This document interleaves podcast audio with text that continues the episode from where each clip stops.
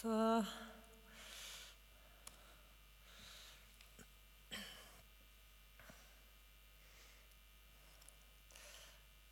Det er egentlig et privilegium å få lov til å fordype seg og få lov å dele Guds ord, det levende ordet. Som dere ser eh, bak meg her, så er overskriften for denne talen 'Å bygge på fjell'. Dere husker sikkert eh, da jorda rasa ut i kvikkleireskredet i Gjerdrum i desember.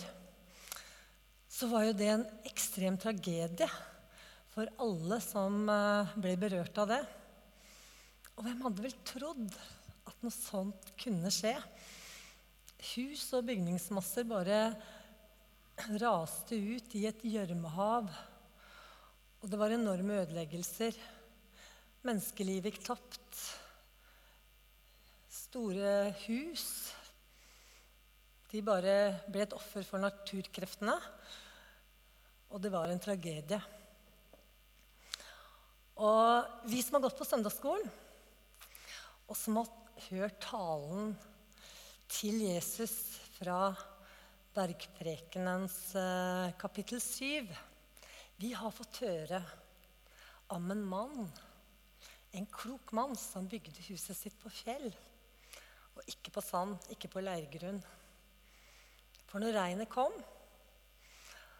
og elvene flommet, og vindene blåste så, og slo mot, mot huset, så sto det allikevel, fordi det var bygd på fjell. Og det er vel sånn at vi, vi ønsker jo også at vårt livshus skal stå. Vi ønsker ikke at det skal rase ut. Men vi skal lese denne teksten, som er søndagens prekentekst i kirkeårskalenderen. Og den er da fra Matteus 7, vers 21-28. Og der står det Ikke enhver som sier til meg, Herre, Herre, skal komme inn i himmelriket, men den som gjør min himmelske Fars vilje. Mange skal si til meg på den dagen, Herre, Herre, har vi ikke profetert i ditt navn? drevet ut onde ånder ved ditt navn og gjort mange mektige gjerninger ved ditt navn. Da skal jeg si dem rett ut. Jeg har aldri kjent dere. Bort fra meg, dere som gjør urett. Vær den som hører disse mine ord og gjør det de sier, ligner en klok mann som bygde huset sitt på fjell. Regnet styrtet, elvene flommet, og vindene blåste og slo mot huset. Men det falt ikke, for det var bygd på fjell. Og hver den som hører disse mine ord og ikke gjør det de sier, ligner en uforstandig mann som bygde huset sitt på sand. Regnet styrtet, elvene flommet, og vinden blåste og slo mot huset. Da falt det, og fallet var stort. Da Jesus hadde fullført denne talen, var folket slått av undring over hans lære. For han lærte dem med myndighet, ikke som de skriftlærde. Vi har nå lest eh, siste del av Bergprekenen.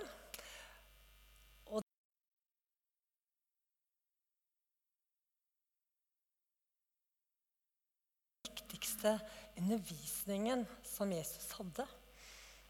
Og den er tydelig. Den er utfordrer. Og vi skal prøve å se hva Jesus vil si oss med det her. Jesu tale i Bergprekenen er jo en livsveiledning om hvordan vi skal leve, og hvordan vi skal være mot hverandre. Så er det jo litt sånn at det, jeg syns i hvert fall at det er noen tekster i Bibelen som er lettere å snakke om.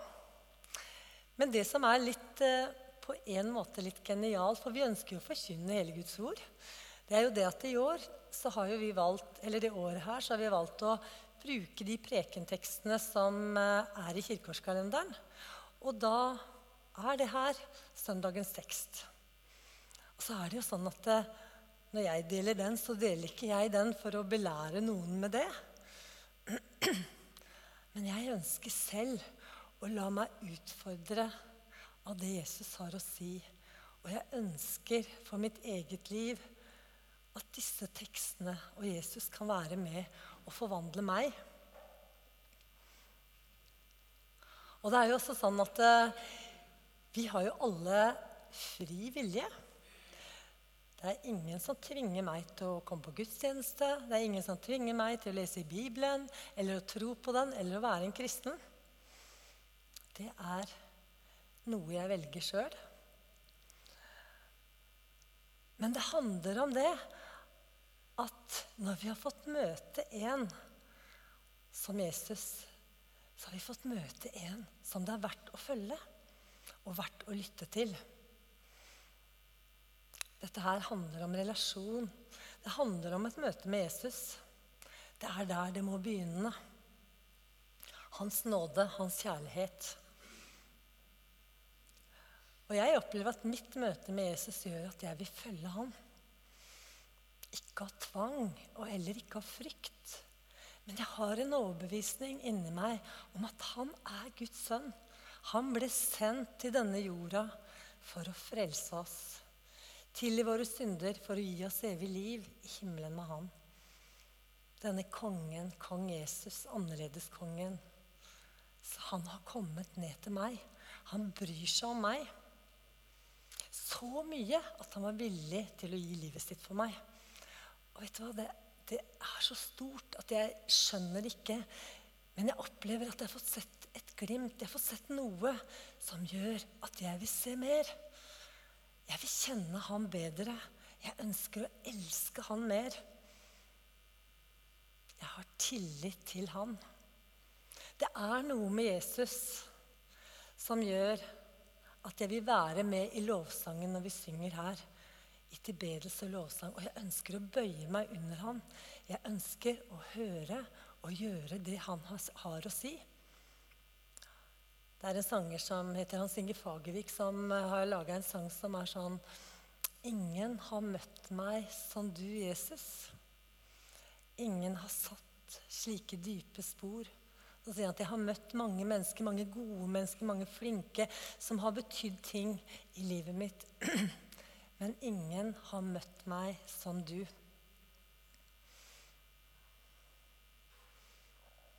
Og så er det jo også sånn at alle så vi følger jo et eller annet. Bevisst eller ubevisst så låner vi vårt øre til noe eller noen. Og handlingene våre de er jo ofte tufta på de verdiene av det vi har hørt, og det vi tror på. Og Trond snakka jo forrige søndag om det å følge Jesus. Og, dag, og han sa bl.a. det at eh, i dag er det jo på sosiale medier veldig mange som har mange følgere. Og han sa det at uh, fotballspilleren Braut Haaland han, uh, han toppa lista i Norge på den med flest følgere på Instagram. Han hadde åtte millioner følgere. Og det er jo ulike grunner til at vi følger folk.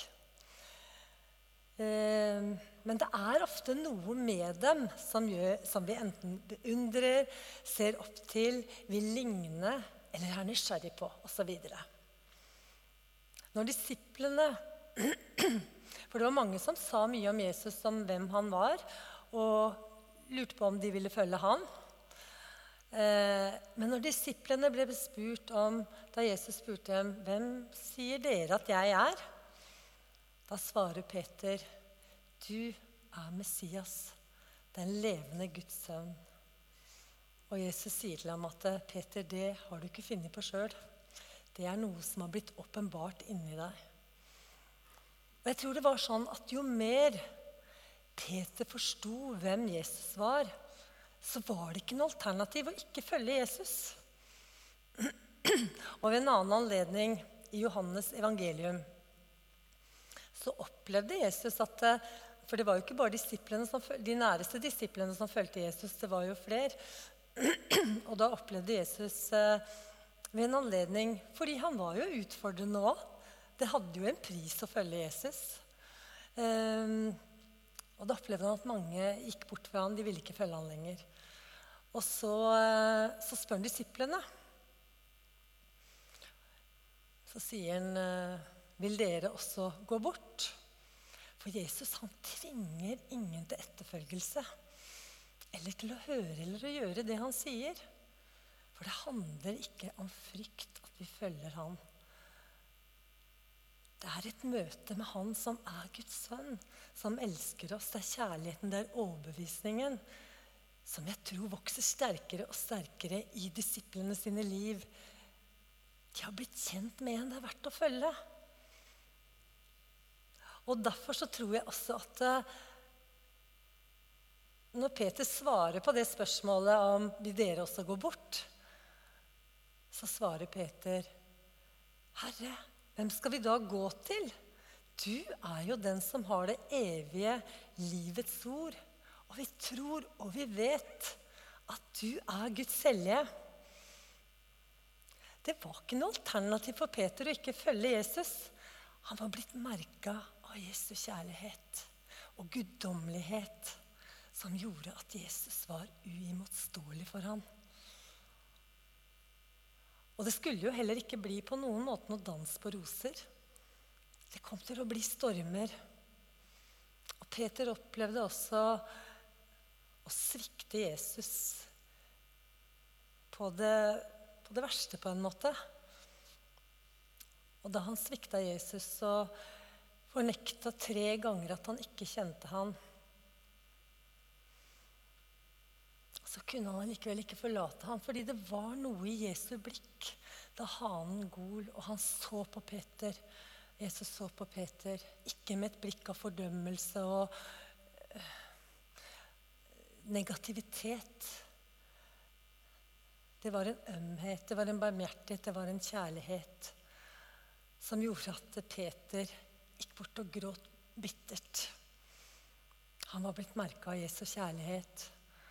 Og han skulle selv en gang bli martyr for Jesus. Han var talt Han skulle bokstavelig talt gi sitt liv for Jesus.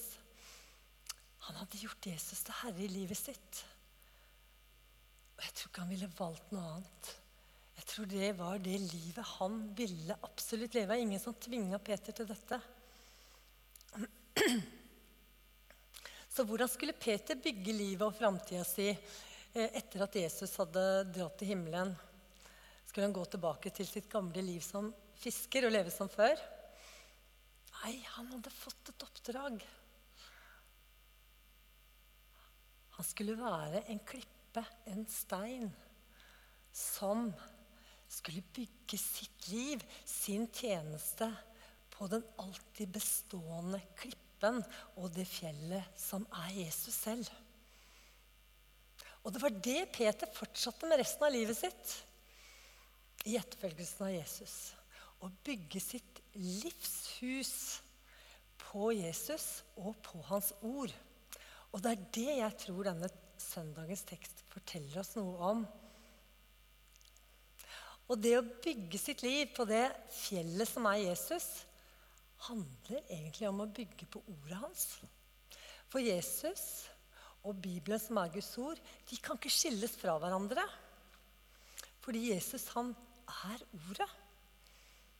Og skal vi lære Jesus å kjenne, så må vi få et forhold til Guds ord. Fordi de er ett. Når Jesus ble født inn i denne verden, eh, når Gud ble menneske, så står det i eh, Johannes evangelium kapittel 1, i vers 1 og i vers 14 så står det sånn at det, Og ordet ble menneske og tok bolig blant oss, og vi så hans herlighet. Og så I vers 14 så står det, står det at ordet ble menneske, tok bolig blant oss, og vi så hans herlighet, en herlighet som den enbårne sønn har fra sin far, full av nåde og sannhet. Vet du hva Jesus han kom som Ordet, inkarnert i et menneske. Og så er det interessant å se, Han vil også komme igjen som Ordet. Den gangen Jesus kommer igjen som seiersherre, så står det i Åpenbaringen 1913 så står det han er kledd i en kappe dyppet i blod, og hans navn er Guds ord. Så dagens tekst som, som vi har lest, som jeg sa tidligere, det er det siste avsnittet i bergprekenen, der Jesus har talt sine ord. Og han avslutter med da å si Hver den som hører disse mine ord og gjør det de sier, han ligner en klok mann som bygde huset sitt på fjell. Det holder ikke bare å høre. Men hvis vi ikke gjør det de sier, så er det som å bygge på sand. Det står det i Bibelen. Det vil falle. Og så må jeg si det at Jesu tale i bergprekenen, det er skikkelig krutt. Det er ikke noe vi i vår egen kraft kan klare å etterleve. Men det handler om å komme tett inn på Jesus og ta imot Guds forvandlende nåde og hjelp og Hans ord, som er, har kraft i seg til å forvandle oss og sette oss fri til å leve på en ny måte. Nåden handler på ingen måte om at vi er gode nok. Den handler om hva vi kan bli ved Guds nåde. Den nåden vil vi trenge å leve i hele livet. Vi trenger å la ordet, som er Jesus, forvandle oss. Ikke bare høre det, men forvandle oss sånn at vi kan leve det ut. Og jeg tror faktisk at uh, mer enn noen gang så er det viktig å kjenne Jesu lære. Høre og gjøre Hans ord med Guds hjelp. Bøye oss, ydmyke oss, overgi oss til Hans ord som vår skatt, som vår autoritet, som Herre i vårt liv.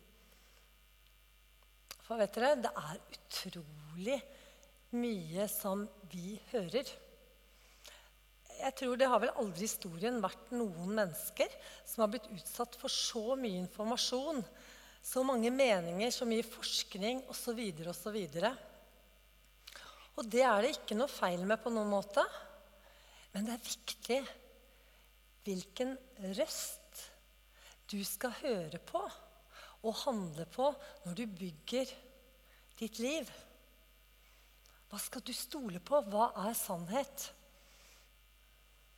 De som bygde husene sine på leirgrunn i Gjerdrum, de visste at de bygde på leirgrunn. Men de stolte på at de som hadde vurdert dette som trygt, hadde rett. Men fikk smertelig erfare at det som aldri skulle skje, skjedde. Det betyr ikke at når du hører og gjør etter Jesu lære, så vil livet være en dans på roser. Det er ikke sånn at jeg kan si at nå har jeg gjort, eh, gjort, det Jesus har sagt, så nå forventer jeg at alt går på skinner. Det er jo egentlig sånn veldig menneskelig, egoistisk tanke. Jeg tror det handler om en lydighet, en overgivelse, en tillit til Han som har skapt himmel og jord. Han som er veien, sannheten og livet. Han som er Gud.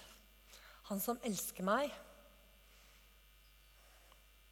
Og jeg tror med hele meg at vi i dette livet skal få erfare hans under og hans makt. Men så tror jeg samtidig at det er viktig å se på dette livet med Jesus også i et evighetsperspektiv. Det er viktig det viktigste er å høre og gjøre det han sier. Da vil huset vårt bli stående selv i stormene.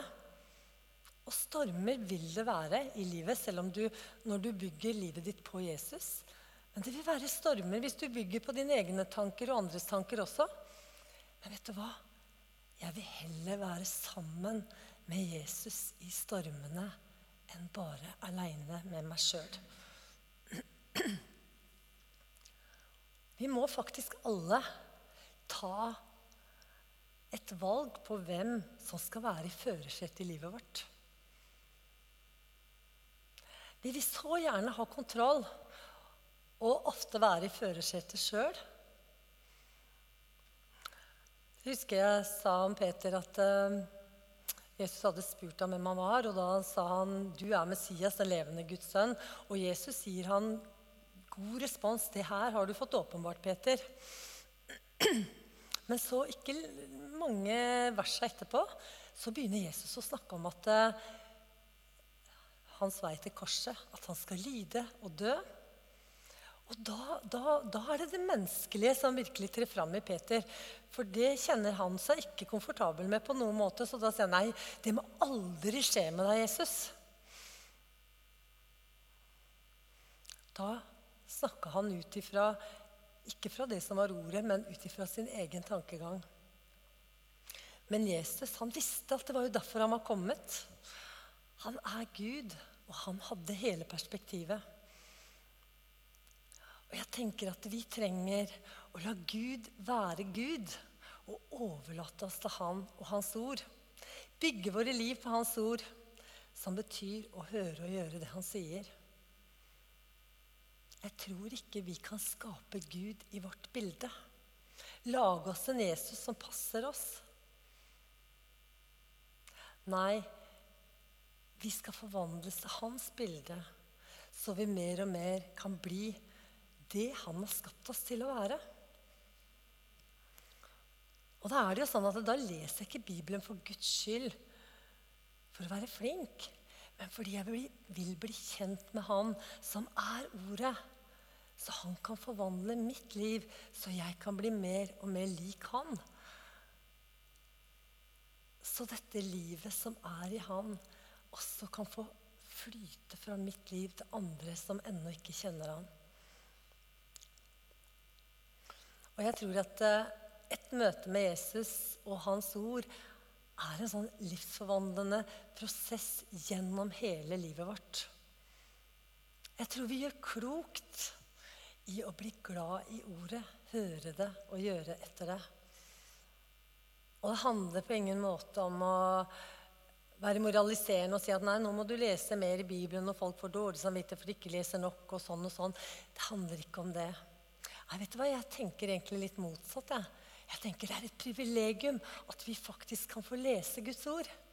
Det er et privilegium at vi kan få grave inn i det skattkammeret, i det gullet.